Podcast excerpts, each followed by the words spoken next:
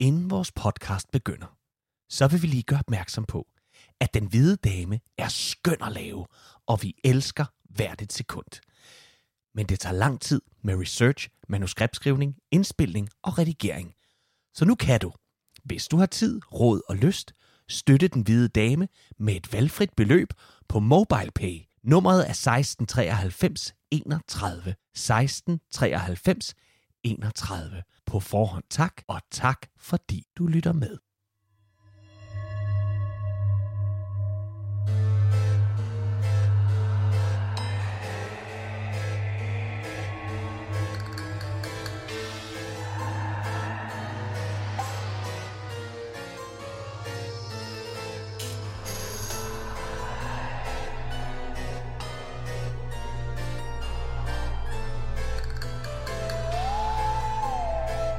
Lytter til Den Hvide Dame.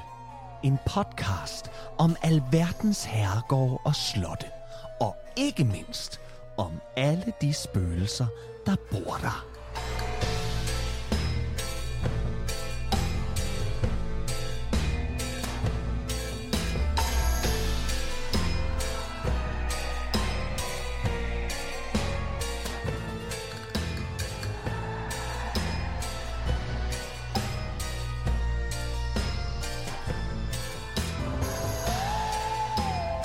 Velkommen til Den Hvide Dame, afsnit 33. Hvis du er til adelige hunde og larmende spøgelsesbørn, så synes vi, du skal blive her hos os lidt endnu. Mit navn er Trine Gadeberg, og overfor mig sidder Kasper Lefebvre. Ja tak. Trine, Yes, jeg lægger ud, fordi du har været udsat for noget, siden vi sendte sidste gang. Du har måske, måske tjekket ind på et bed and breakfast, hvor der i gåseøjne boede nogen i forvejen. mm-hmm. Prøv lige at fortælle os, hvad du har været udsat for. ja, altså jeg har haft en ekstrem underlig oplevelse. Jeg øh, boede på et øh, bed and breakfast på Tåsinge. Jeg havde været på sådan en lille mini-turné på plejehjemmene, først på Als, og så skulle jeg så med færgen, og så til Tåsinge. Og øhm, jeg var træt, og gik til Roserne ret tidligt øh, ved tidtiden, og øhm, boede i øvrigt på det smukkeste sted. Jeg har aldrig set noget så, Så lækkert. billederne, det var helt fuldstændig vidunderligt. Ja. bedårende, bedårende. Fuldstændig. Og, og jeg går i seng og falder i søvn med det samme, og omkring klokken et, klokken et om natten, der kan jeg simpelthen ikke sove. Så øhm, sådan en lille politisk nørd, som jeg er, tænder for bedservisserne, og ligger og lytter til det. Og, øhm, og er fuldstændig bevidst om, at jeg, hvor jeg er henne, Mm. og, og, og ligger og lytter til de her politiske ting. Og lige pludselig så øh, fornemmer jeg simpelthen, at hele jorden ryster under mig. Altså, altså som om, at det, det kom så altså helt ned fra dybet af, rystede jorden. Jeg, jeg, og jeg tænkte, er, er det et jordskælv, jordskælv mm. eller hvad, hvad søren er det her for noget? Og øhm, jeg, lå, så, jeg lå sådan lidt i de foster, øh, fosterstilling på Mm, mm. siden, Mm. og så lige pludselig, så kunne jeg mærke en eller anden form for mærkelig energi, der ligesom startede nede ved min lænd, og ligesom forsøgte at komme ind i mig. Jeg, det er svært at forklare. Um, jeg følte ligesom, at jeg blev presset lidt ud af sengen, ligesom om jeg Ja. blev skubbet lidt. Ja. Og den her energi sådan ligesom gjorde, at jeg sådan lidt skælvede, og, men det var kun nede ved min lænd, som ligesom skælvede lidt, samtidig med, at jorden rystede. Det var en underlig, underlig fornemmelse. Og, øhm, og jeg vendte, øh, vendte hovedet lidt og drejede rundt om, og så rundt i resten af værelset, og der var ikke nogen, men Mm. jeg, jeg havde simpelthen sådan en fornemmelse, at der, at der alligevel var nogen. Altså, der var et eller andet inde på det værelse. Jeg faldt i søvn igen, og jeg vågnede så efter nogle timer, og så får jeg den der fornemmelse af, at jorden ryster under mig igen. Men den her gang var der ikke noget, der ligesom ville ind øh, i min løn. Så øh, jeg ved ikke, om jeg har haft besøg af en eller anden klæbeånd, eller... Det, det, jeg følte som om, at, at jeg ikke øh, jeg skulle ikke være i det her værelse. Sådan, Nej. her, så den fornemmelse var jeg. Nej. Var for lysende klar for mig. Er det ikke underligt? Super underlig Så historie. mærkeligt. Og jeg er øh, øh, ked af, at du skulle være udsat for det, men jeg er lykkelig for, at jeg ikke selv var der. Ja, Øh. men jeg var på ingen, For så havde jeg ikke så overnattet på Tåsinge. jeg var på ingen mulig måde bange. Altså, det var ikke, fordi jeg var sådan... Øhm, jo, så anden gang, da jorden ligesom rystede under mig, og jeg, og jeg prøvede at dreje Mm. ansigtet for at se, hvad, hvad er det her for ja. noget? Det var ligesom, det kom fra den ene side. Så kunne jeg simpelthen ikke bevæge mig. Så jeg ligesom, jeg var sådan nærmest, øh, Holdt fast. ja, jeg var sådan, jeg, jeg kunne slet ikke bevæge mig. Ej, det er simpelthen så mærkeligt, det her. Det er underligt.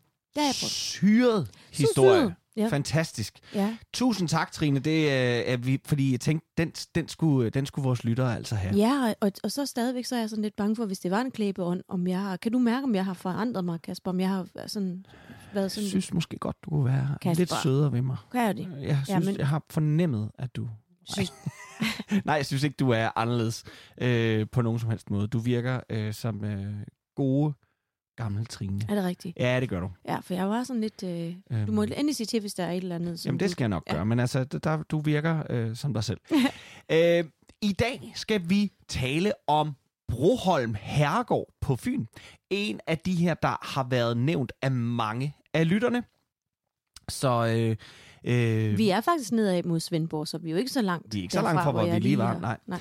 Øh, men det er altså en af de her, som uh, utallige lytter har skrevet til os og sagt, prøv lige at kigge på Broholm. Og øh, det har vi gjort. Så øh, skal vi ikke bare få historien om Broholm Herregård? det skal vi.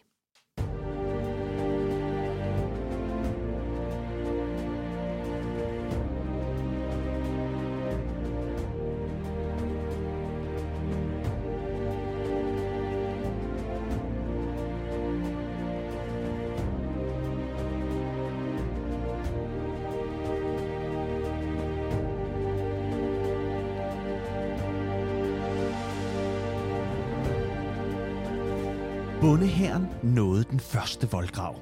I midten af søen, efter den anden voldgrav, lå den gamle borg og kiggede olmt ned på de bevæbnede bønder, der indtil nu havde hervet og plyndret sig igennem det meste af Fyn og lagt mangt et gods, slot og borg bag sig i ruiner og brændt ned til den grund, hvorfra adelens forfædre havde rejst de mægtige huse i tidernes morgen og givet dem videre fra far til søn. Året er 1534, og Grevens Fejde har bragt borgerkrigen til Broholms jorder på Sydfyn.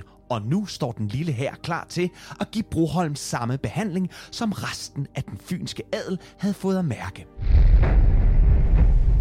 Det første brag lød, og en ung bondedreng på 12 år så aldrig, hvad det var, der rev det øverste af hans hoved og fortsatte videre igennem fire mænd bag ham og efterlod dem delvist uden ben. Chokket over braget, de manglende ben, der nu kun var stumper, og det faktum, at de forreste mænd havde store dele af den unge bondedrengs hjernemasse i ansigtet, fik dem til at skrige hysterisk. Kanonkuglen, som var affyret fra øen i søen, hvor Broholm lå, var startskuddet til kampen, og i næste nu bragede det løs. Flere af herrens mænd forsøgte at forsere den første voldgrav ved at springe i den og svømme over mod bredden.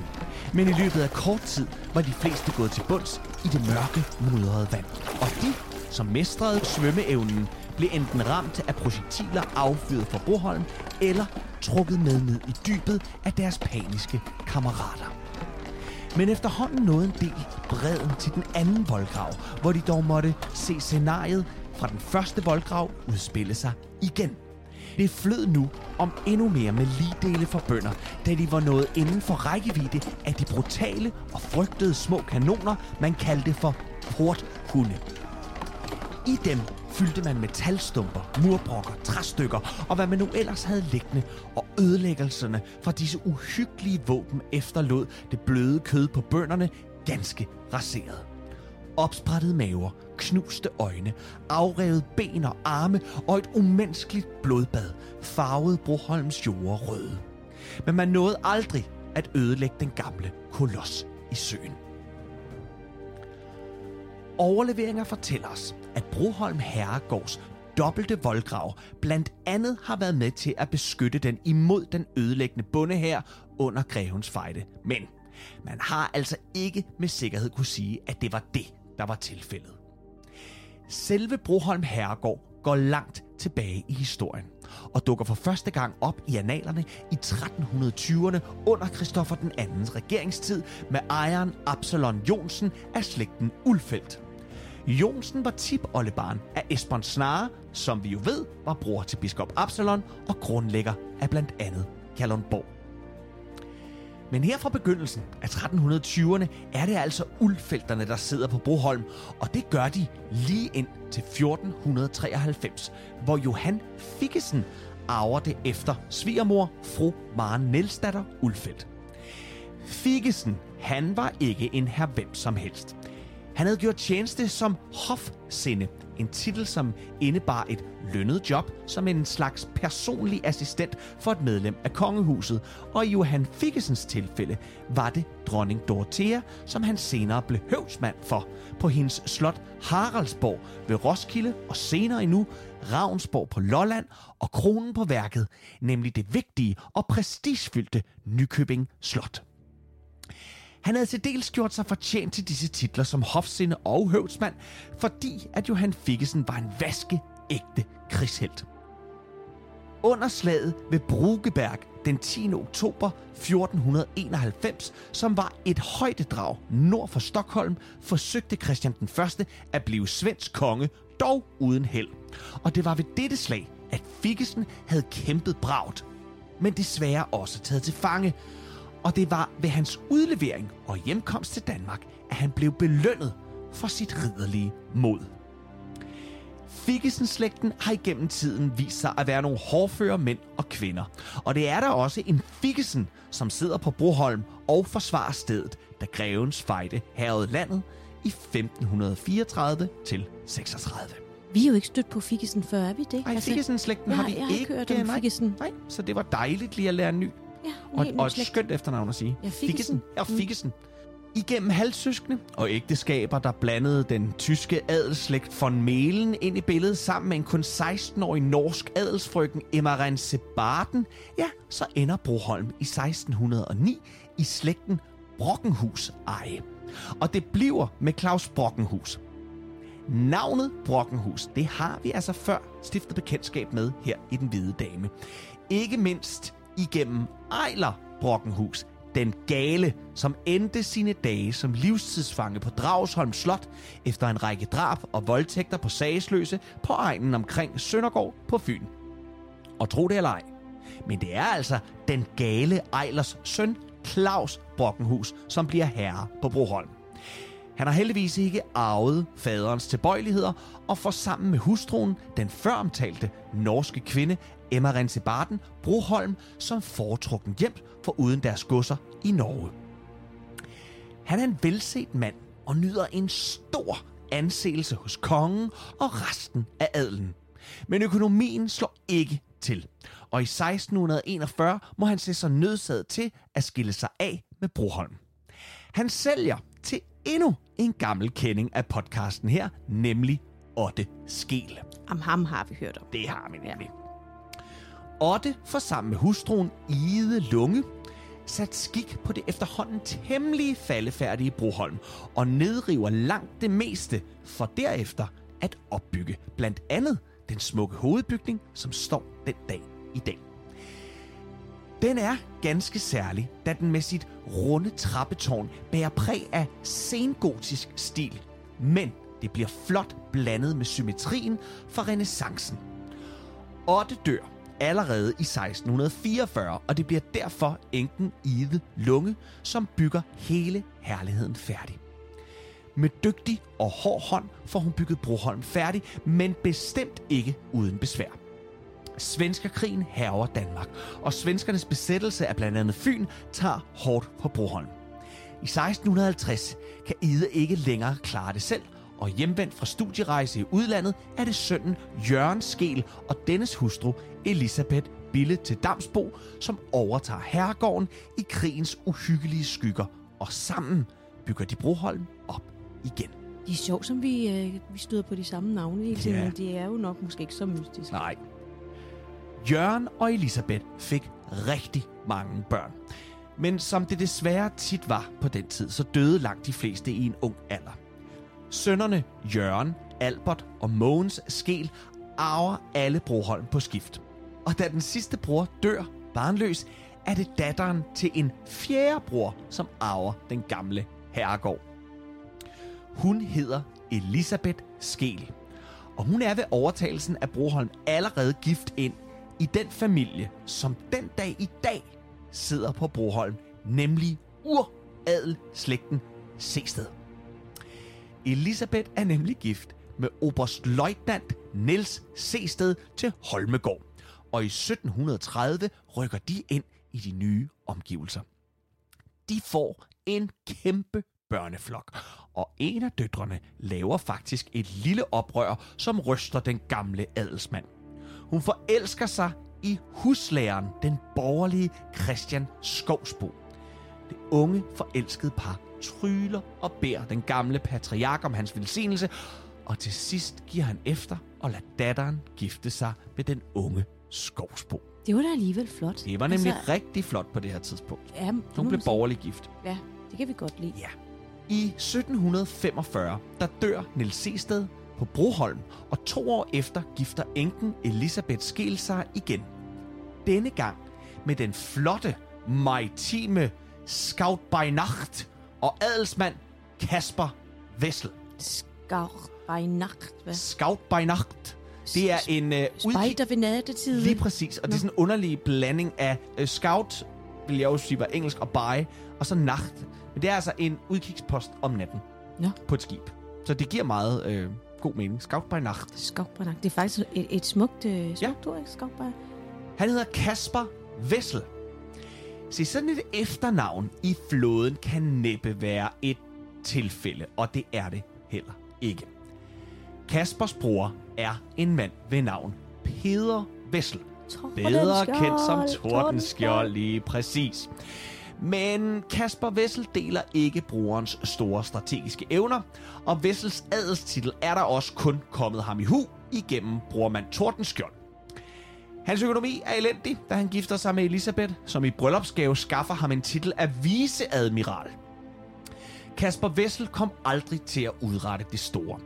Men en af de fine ting, som han gjorde, var, at han sammen med Elisabeth oprettede et stamhus til Elisabeth og hendes tidligere mands børn, således at det, som der stod i brevet, ingenlunde fragår den sestedske familie. Ved du hvad, Kasper? Faktisk er det sådan lidt, jeg har en lille smule øh, slægt. Ikke med Tordenskjold, men en, der sejlede sammen med ham, Olaf Ryge. Det er rigtigt, Kaptajn Olaf, Olaf Ryge. Og, og Olaf Ryge er da bestemt ikke nogen... Øh, øh, øh, det er jo, eller det er da ikke en ukendt figur, og særligt hvis man er fra Fredericia Mm, så ved man... Øh, øh, hvem Olaf Ryge var. ja, Men general Ryge. Altså, jeg har altid fået at vide, at han var en del... Altså, han var tip, tip, tip, tip, tip, tip, oldefar eller sådan et eller andet. Jeg ved, i hvert fald i min slægt. Det er mega sejt. Er det det? Ja, det er sejt. Men jeg kan ved det jo ikke, være- men, Nej, men det kan være, at jeg skulle undersøge det. Men jeg har altid hørt det. Ja, det de kan du godt være sejl. Øh, Mm. øh, sej. Det kan du godt være stolt af. Ja. Øh, Olaf Ryge er, er en, af, en af vores store krigshelte også. Ja. Så den, øh, bum, det er sejt, Trine. Okay, Godt. jeg er sej. Nå, men det var altså det her med, at der blev oprettet et stamhus øh, til øh, Elisabeth og hendes tidligere mands børn. Øh, og øh, det gjorde altså, at da Vessel, øh, det betød, at Vessel måtte fraflytte Broholm, da Elisabeth nogle år senere døde, og herregården så gik videre til Nils, Elisabeths, øh, til Nils og Elisabeths ældste søn, Anders Sested. Så det var altså lige konsekvensen. Jeg ved ikke, om Kasper Vessel havde tænkt den igennem. Men det betød altså, at han ikke kunne arve. Det var hendes børn. Mm. Så han måtte fraflytte. Og sådan går det altså slag i slag frem igennem tiden. C-steder kommer og går, og Broholm nyder på forskellige måde godt af dem alle sammen. I 1840'erne hedder herremanden Niels Frederik Bernhard Sested. Han er en fuldstændig formidabel dygtig landmand, og det bliver igennem ham, at man på Broholm afskaffer hoveriet, og en stor del af bøndergodset bliver solgt fra til arvefeste og fri ejendom. Jeg elsker, når de her ting sker. Han gør i det hele taget ufattelig meget for bøndernes vilkår på Broholms jord, og han bliver også manden, der giver Broholm endnu en af de tiltrængte renoveringer. Niels har ud over landbruget også en anden interesse, som stadig kan nydes og beundres på Broholm. Han var nemlig en ivrig amatørarkeolog.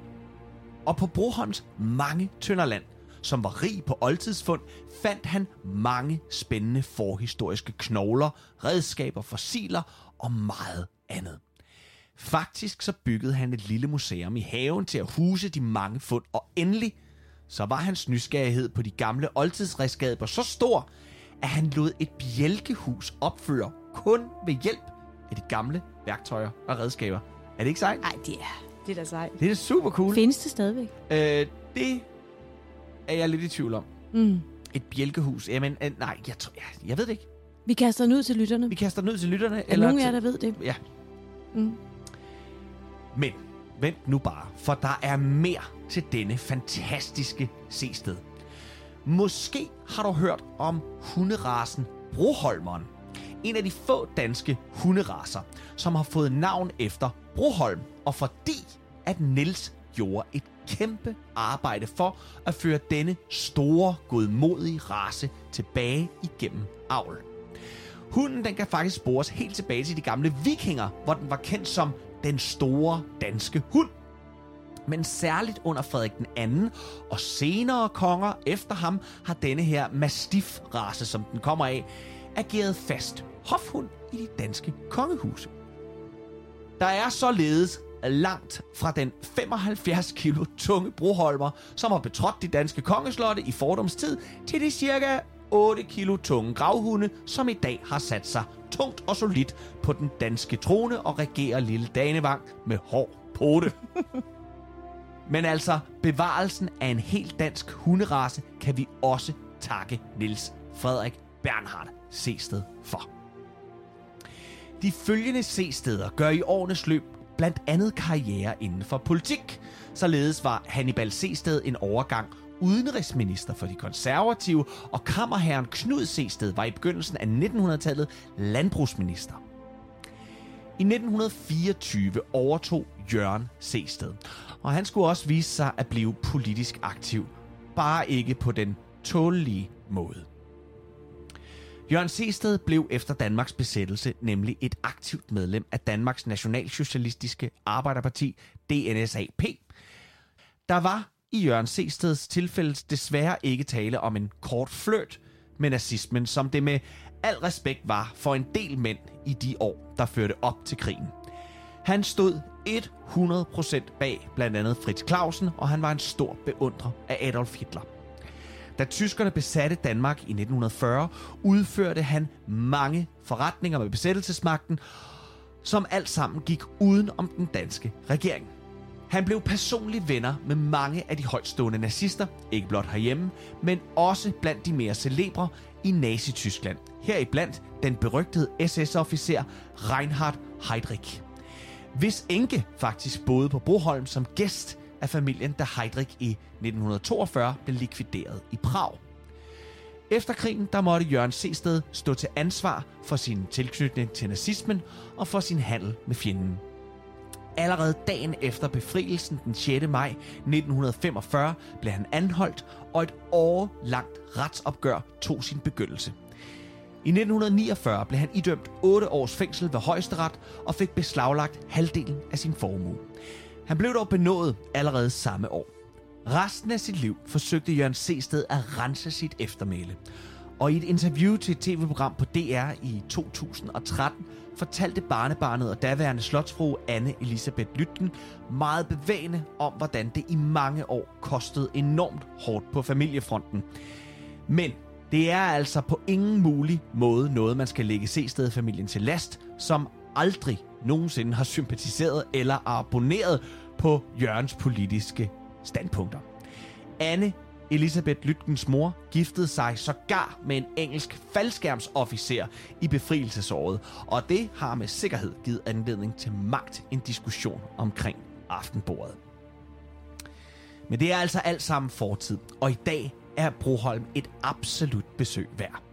Hvor den 13. generation i form af Anders Sested er med til at byde gæster velkommen til et ophold og udsøgte madoplevelser på den over 700 år gamle fine bygning.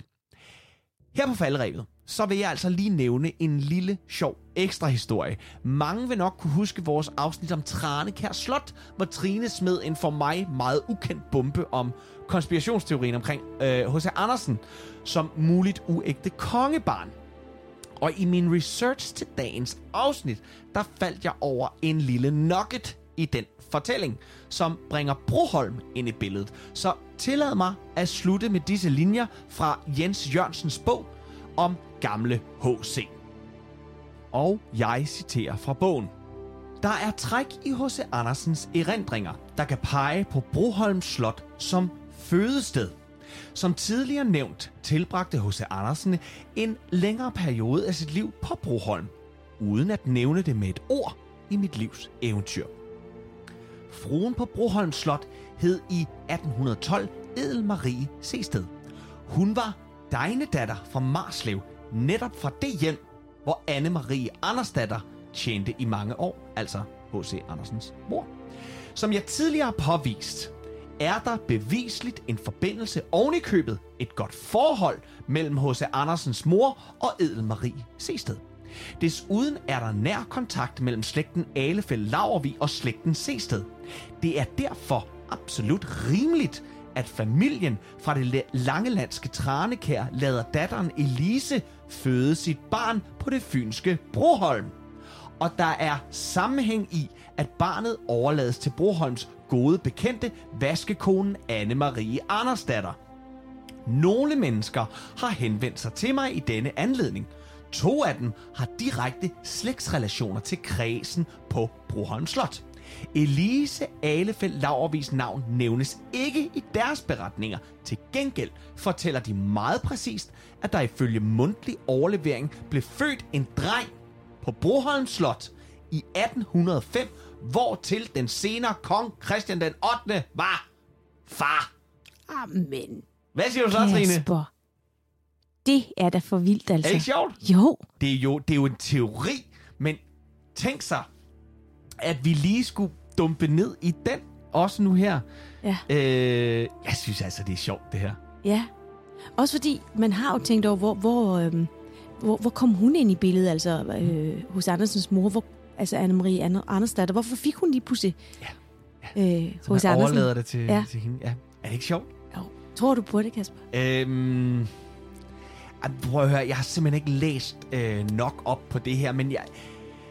Åh, jeg ved det ikke. Altså, jeg synes, at der er noget... Øh, Og det er da også mystisk hos Andersen. Han er på alle de der kongelige slotte og Ja, herregårde rundt omkring. Og... Ja, altså, han, han rejser rundt, og Ja. altså, han har jo i hvert fald adgang til det, ikke? Øh, jeg synes mere, at den der, du fortalte dengang med Tranekær Slot, og undskyld, hvis lytterne ikke lige kan huske det, gå tilbage og lyt til det.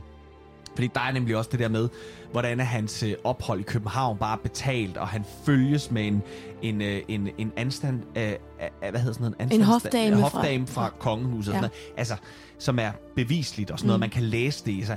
Altså, prøv at høre. Øhm, om det er 100% rigtigt, det ved jeg simpelthen ikke. Men øh, der er... Jeg vil, jeg vil gå så langt som til at sige, jeg er overbevist om, at der er langt mere i den historie, end vi sådan lige går og, og ved. Mm. Så jeg tror bare, at man skal lade det... øh, Nej, man skal ikke lade det blive ved det. Jeg vil opfordre alle til at, at, at researche på det og finde ud af det. Ja. er sgu da en spændende historie. ja, det må man sige. Ja, nå. Ja.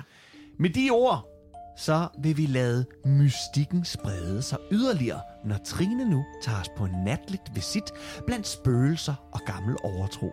Vi skal nu høre om spøgelserne på Broholm.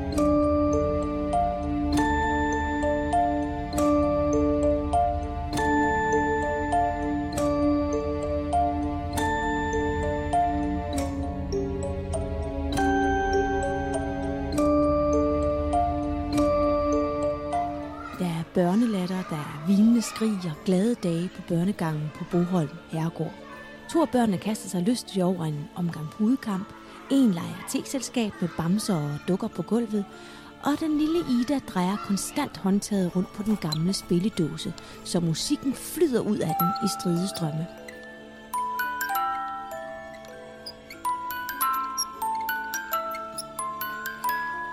Prøv at spille en sang, siger hun og griner højt. Barneplejersken klapper med hænderne og spørger, om de vil lege skjul med hende. Det ved de godt. De elsker at lege skjul, og de elsker deres barneplejersker. Og gemmesteder er der nok af her på anden salen, hvor børnegangen er. Foruden den mørke gang med det vinrøde gulvtæppe, prydet med et kongeblå mønster, er der syv børneværelser. Og du kan ikke forlade børnegangen uden at det kan høres, for den tunge trædør knirker som knoglerne på en gammel mand. Og du kan heller ikke gå ned ad de 44 trappetrin, der er for at komme herop på anden sal, hvor børnegangen er for enden af den gamle jerntrappe. For den larmer mere end et militærorkester til en parade. Men der er så mange andre gode gemmesteder på børnegangen. Der er en gammel dragkiste, du kan gemme dig i. Der er et opretstående ur. Der er et badekar og mange, mange flere ting. Barneplejersken tæller til 100, alt imens børnenes fodtrin indikerer, at der bliver let efter det bedste gemmested. Nu kommer jeg, råber hun, og så bliver der helt stille. Børnene holder vejret dybt koncentreret, så deres skjulested ikke bliver afsløret. Johannes bliver først fundet inde i lindeskabet, for han kommer til at nyse over alt støv, der er inde i skabet. Og sammen går barneplejersken og Johannes rundt og leder efter de andre børn. Ja, kig her, siger Johannes, og lukker den gamle dragkiste op. Der lå Ida. De hjælper hende op og kommer til at puffe til en lampe, som står ved siden af. Pas på, siger Ida, og barneplejersken når at gribe lampen, inden den rammer gulvet. Hold kæft, mand, siger Johannes. Det var tæt på. Du må ikke bande, siger barneplejersken og giver ham et kærligt klem på armen. Da alle børnene er fundet, er aftenslej slut, og det er tid til at gå til ro. De skal nu ned i de fine stuer og sige godnat til forældrene, og så er det til køjs efter et glas varm mælk og en god godnathistorie. Der bliver passet godt på dem, og barneplejersken elsker hver og en af børnene lige så højt, som de elsker hende. I dag står børnegangen tom, for min historie går over 100 år tilbage i tiden. Men dukkerne, bøgerne, det lille testel, bamserne, dragkisten og spilledåsen er der endnu. Og det er barneplejersken også. For om natten, når månen hejses længere og længere op, så den bedre kan kaste sit skin ned over Broholm, ja, så sker der mystiske ting på børnegangen. Du ligger i sengen på et af værelserne på børnegangen. Det har været en lang dag, så du trænger virkelig til en god nats søvn. Og muligheden for det er også til stede, for den mørke seng med det nystrøgne sengetøj er ufattelig indbydende. Blød, varm og tryg. Du føler dig lidt som en prinsesse i det her smagfuldt indrettede værelse. Med et tilfreds smil om læben kravler du ind i søvnens univers, men der befinder du dig ikke længe. For du vågner med en underlig fornemmelse af, at der er andre til stede i rummet. Du sætter dig forskrækket op, holder vejret, tænder lampen på din mobiltelefon og lyser rundt i værelset. Lyskejlen fanger umiddelbart ikke andet end det, du så lige inden du slukkede lyset og skulle sove. Den fanger testillet, bamserne, dukkehuset. Bid for bid passerer lyset forbi væggene, legetøjet, billederne, de dagslyse smukke gamle porcelænsdukker, der nu i nattens lys stiger tomt ud i luften. Du synes, de ser rigtig uhyggelige ud. Og så stopper du. Du gisper og kan ikke få et ord ud af munden. For lige der, i døråbningen, står en gammel rynket dame med grå hår, der er opsat med en knold i nakken. Hun har en florlet gammel kjole på, der også er grå, og fra en anden tid kan du se. Hun kigger på dig. Hun fastholder dit blik. Hun smiler til dig og lukker døren igen. Du skynder dig ud af sengen og hen til døren forarvet over den her utilstedelige indgriben i din nattesøvn, åbner du døren. Og selvom du spejder til begge sider ned ad gangen, er der ingen. Det vil sige, det er der. For du opdager, at dør efter dør lige så stille bliver lukket op på klem og lukket igen. Og så hører du de her fodtrin, altså de mindste fodtrin, der nærmest overhovedet er målet, som om nogen lister hen ad gangen og åbner døre på klem. Lister til næste dør, åbner igen. Næste dør, åbner igen. Det her er den gamle grå dame, som har boet på slottet i mere end 100 år. Hun går igen. Man ved ikke, om det er en gammel slotsfrue eller tjenestepige, men man hælder til, at det er en gammel barnplejerske, der hver aften tager en børnerunde og betragter børnene for at tjekke, at alle ligger trygt og godt og sover. Hun vil der ikke noget ondt. Det er som om hun ikke registrerer dig, men kigger kun ind til børnene. Ghost hunting har været på Broholm og fået en optagelse med i kassen med lyde og sætninger, der indikerer, at der er tale om barneleg. Der blev sagt, prøv at spille en sang. Ja, kig her. Pas på! Hold kæft, mand! Og det er disse her ord, jeg har forsøgt at gøre i min fortælling om Gimmeline på børnegangen. Puh, mange af de nuværende gæster og ansatte beretter om mystiske ting, der sker. Blandt andet er der en gæst, der overnattede på herregården og stiftede bekendtskab med den grå dame. På en lidt anderledes måde, end jeg lige har beskrevet. For det var en tidlig morgen på Broholm. Fasaner og andre dyr skrabbede løs, som var de en del af et organiseret kor, der ikke kunne finde ud af, hvem der havde hovedstemmen. Manden stod foran spejlet på badeværelset og var i færd med at barbere sig på gammeldags fasong, fordi det bød opholdet nærmest ind til. Så han tændte for vandhanen, pjaskede lidt af det varme vand på kinderne og på halsen. Så tog han barberkosten op og vendte den rundt i barbersæben med vand, så det skummede godt op. Og med cirkelbevægelser påførte han nu skummet rundt i ansigtet og halsen. Og den skæggede hud blev mere og mere hvid af skum. I det smukke brune læderetui tog han fat forsigtigt om ravkniven, og så skrabede han de små, skumfyldte skægstube væk ned langs kinden. Han morede sig lidt over det billede, han fik i hovedet, af at hvis man gik helt tæt ind på skægstubene, så lignede de en sensommer mark, der lige havde fået ribbet al aksen væk. Han skyllede sæben af i håndvasken, og skulle lige til at sætte gravkniven tilbage mod næste skum stube bjerg, da han inde i spejlet kunne se en grå gammel dame stå og betragte ham. Føj. Han tabte kniven i håndvasken af ren befippelse, rystede på hovedet for at forsikre sig om, at han så syner. Og da han kiggede ind i spejlet igen, var hun der ikke. Godt. Han så syner. Vel at mærke noget af et underligt syn. Han fortsatte barberingen, og da han nåede til halsen og ravekniven, der hvor man lige skal være ekstra opmærksom for, at det ikke går galt, så stod hun der igen.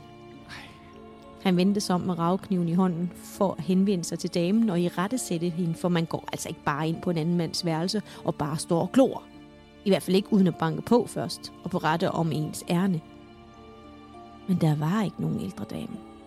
Han gik hen til døren for at tjekke, om den var låst, for han låsede den nemlig aften før, da han lagde sig til at sove. Og den var låst. Og så tænkte han, at han var ved at blive bims. Så han skød det underlige fænomen fra sig og fortsatte med at høste skægstube. Tredje gang han kiggede ind i spejlet, var den gamle grå dame tilbage igen. Nej! Hun betragtede ham, og hun ville ham ikke noget ondt. Det virkede bare, som om hun var nysgerrig på, hvordan man barberer sig. Så manden lod hende stå og betragte ham, og da barberingen var færdig, var hun væk. Det? Shit. Ad. Jeg kan slet ikke have det. Jeg kan slet ikke have det. Hvad var der sket, hvis det var dig? Hvad? Hvad, hvad var der sket, hvis det var dig, Kasper? Du var stukket af. Jamen, jeg havde da ikke fortsat. Jeg var ikke blevet på det værelse der. Nej. Da, så måtte der være skægstue resten af dagen. Det kunne, altså, jeg kan slet ikke have det der.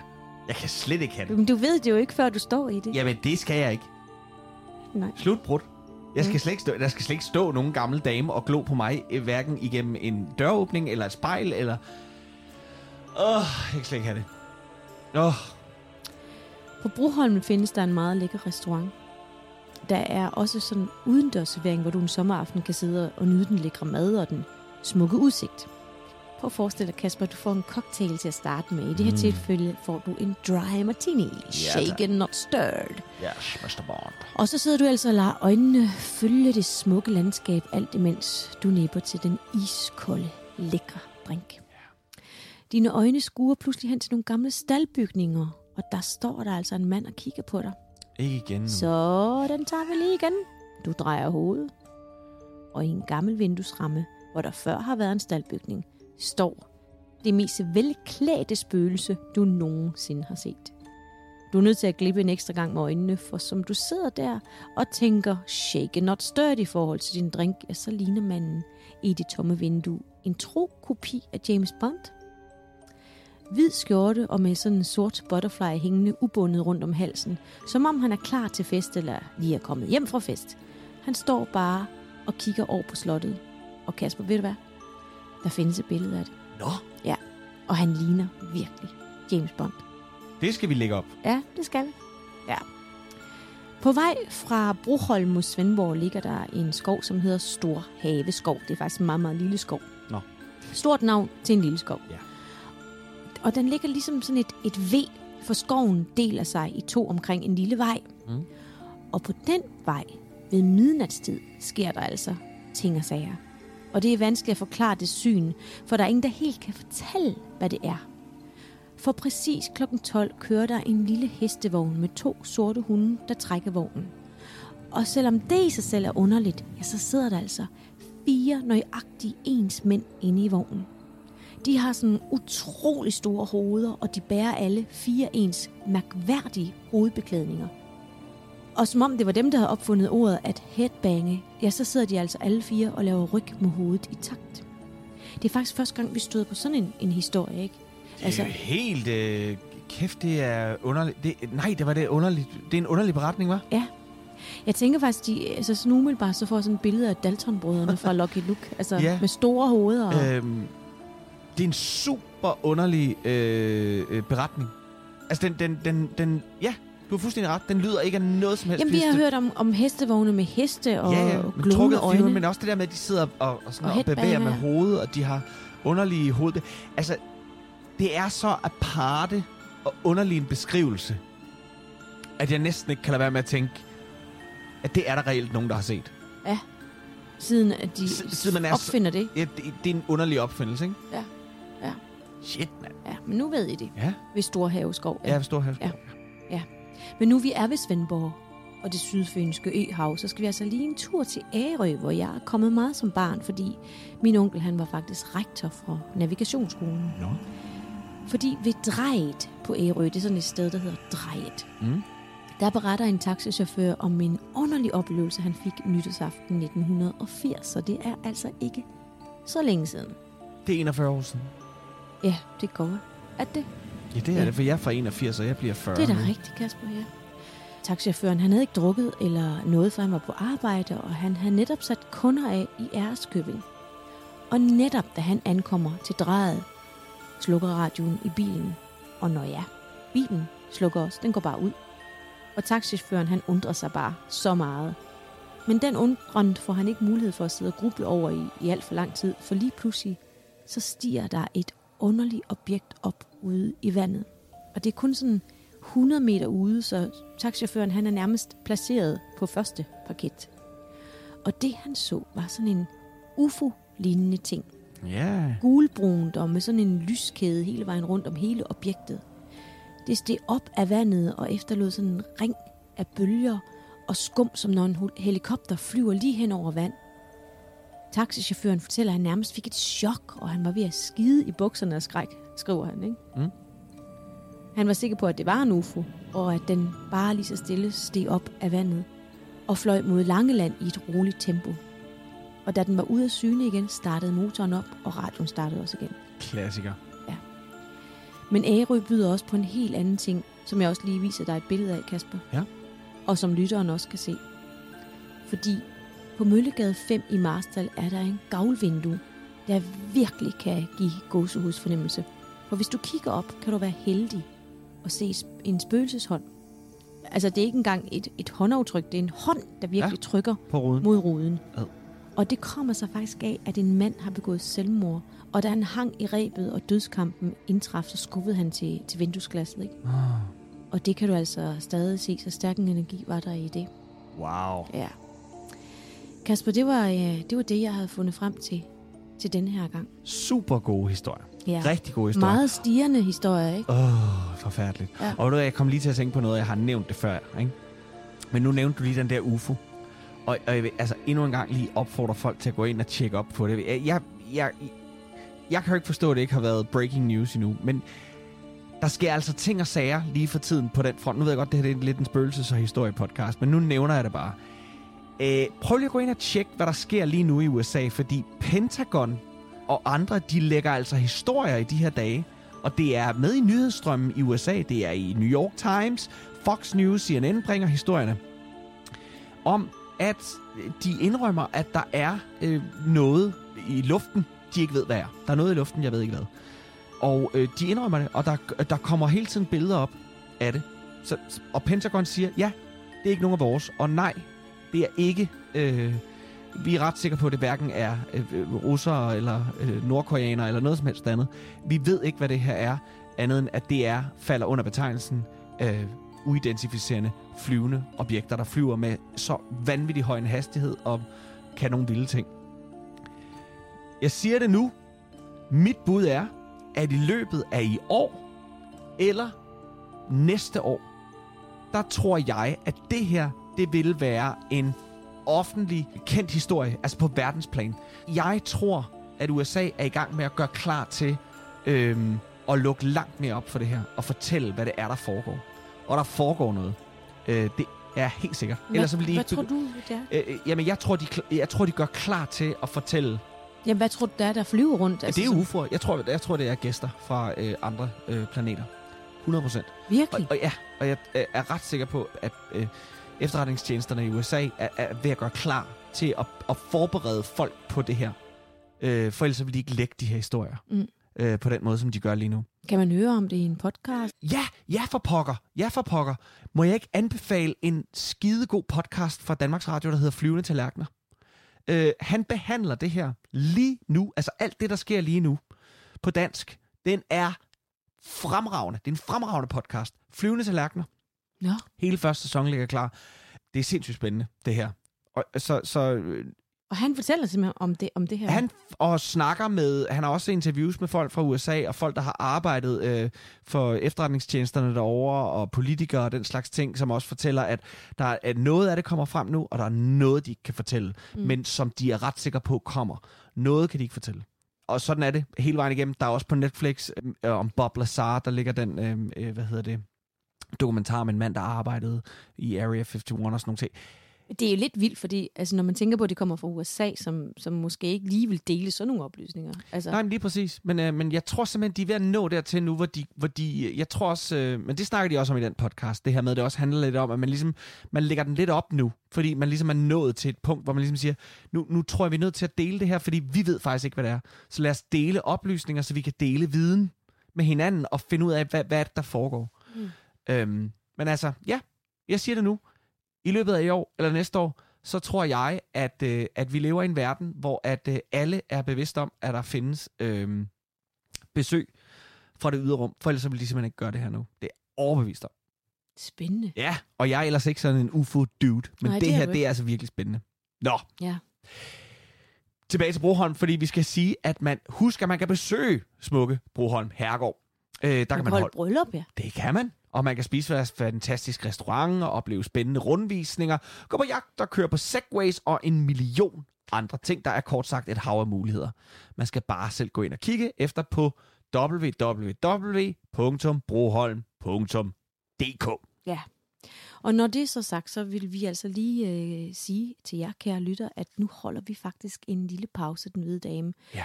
Vi har virkelig, virkelig tænkt, hvordan vi, sådan skulle, øh, hvordan vi skulle gøre det her, men det er faktisk sådan, at vi skal arbejde på Jørgen nu. Ja. Og øh, vi vil være lidt arbejdsramte, og vi skal forberede årets Jørgen Revy. Og vi er selvfølgelig enormt glade for, at vi kan komme ud og spille revy igen.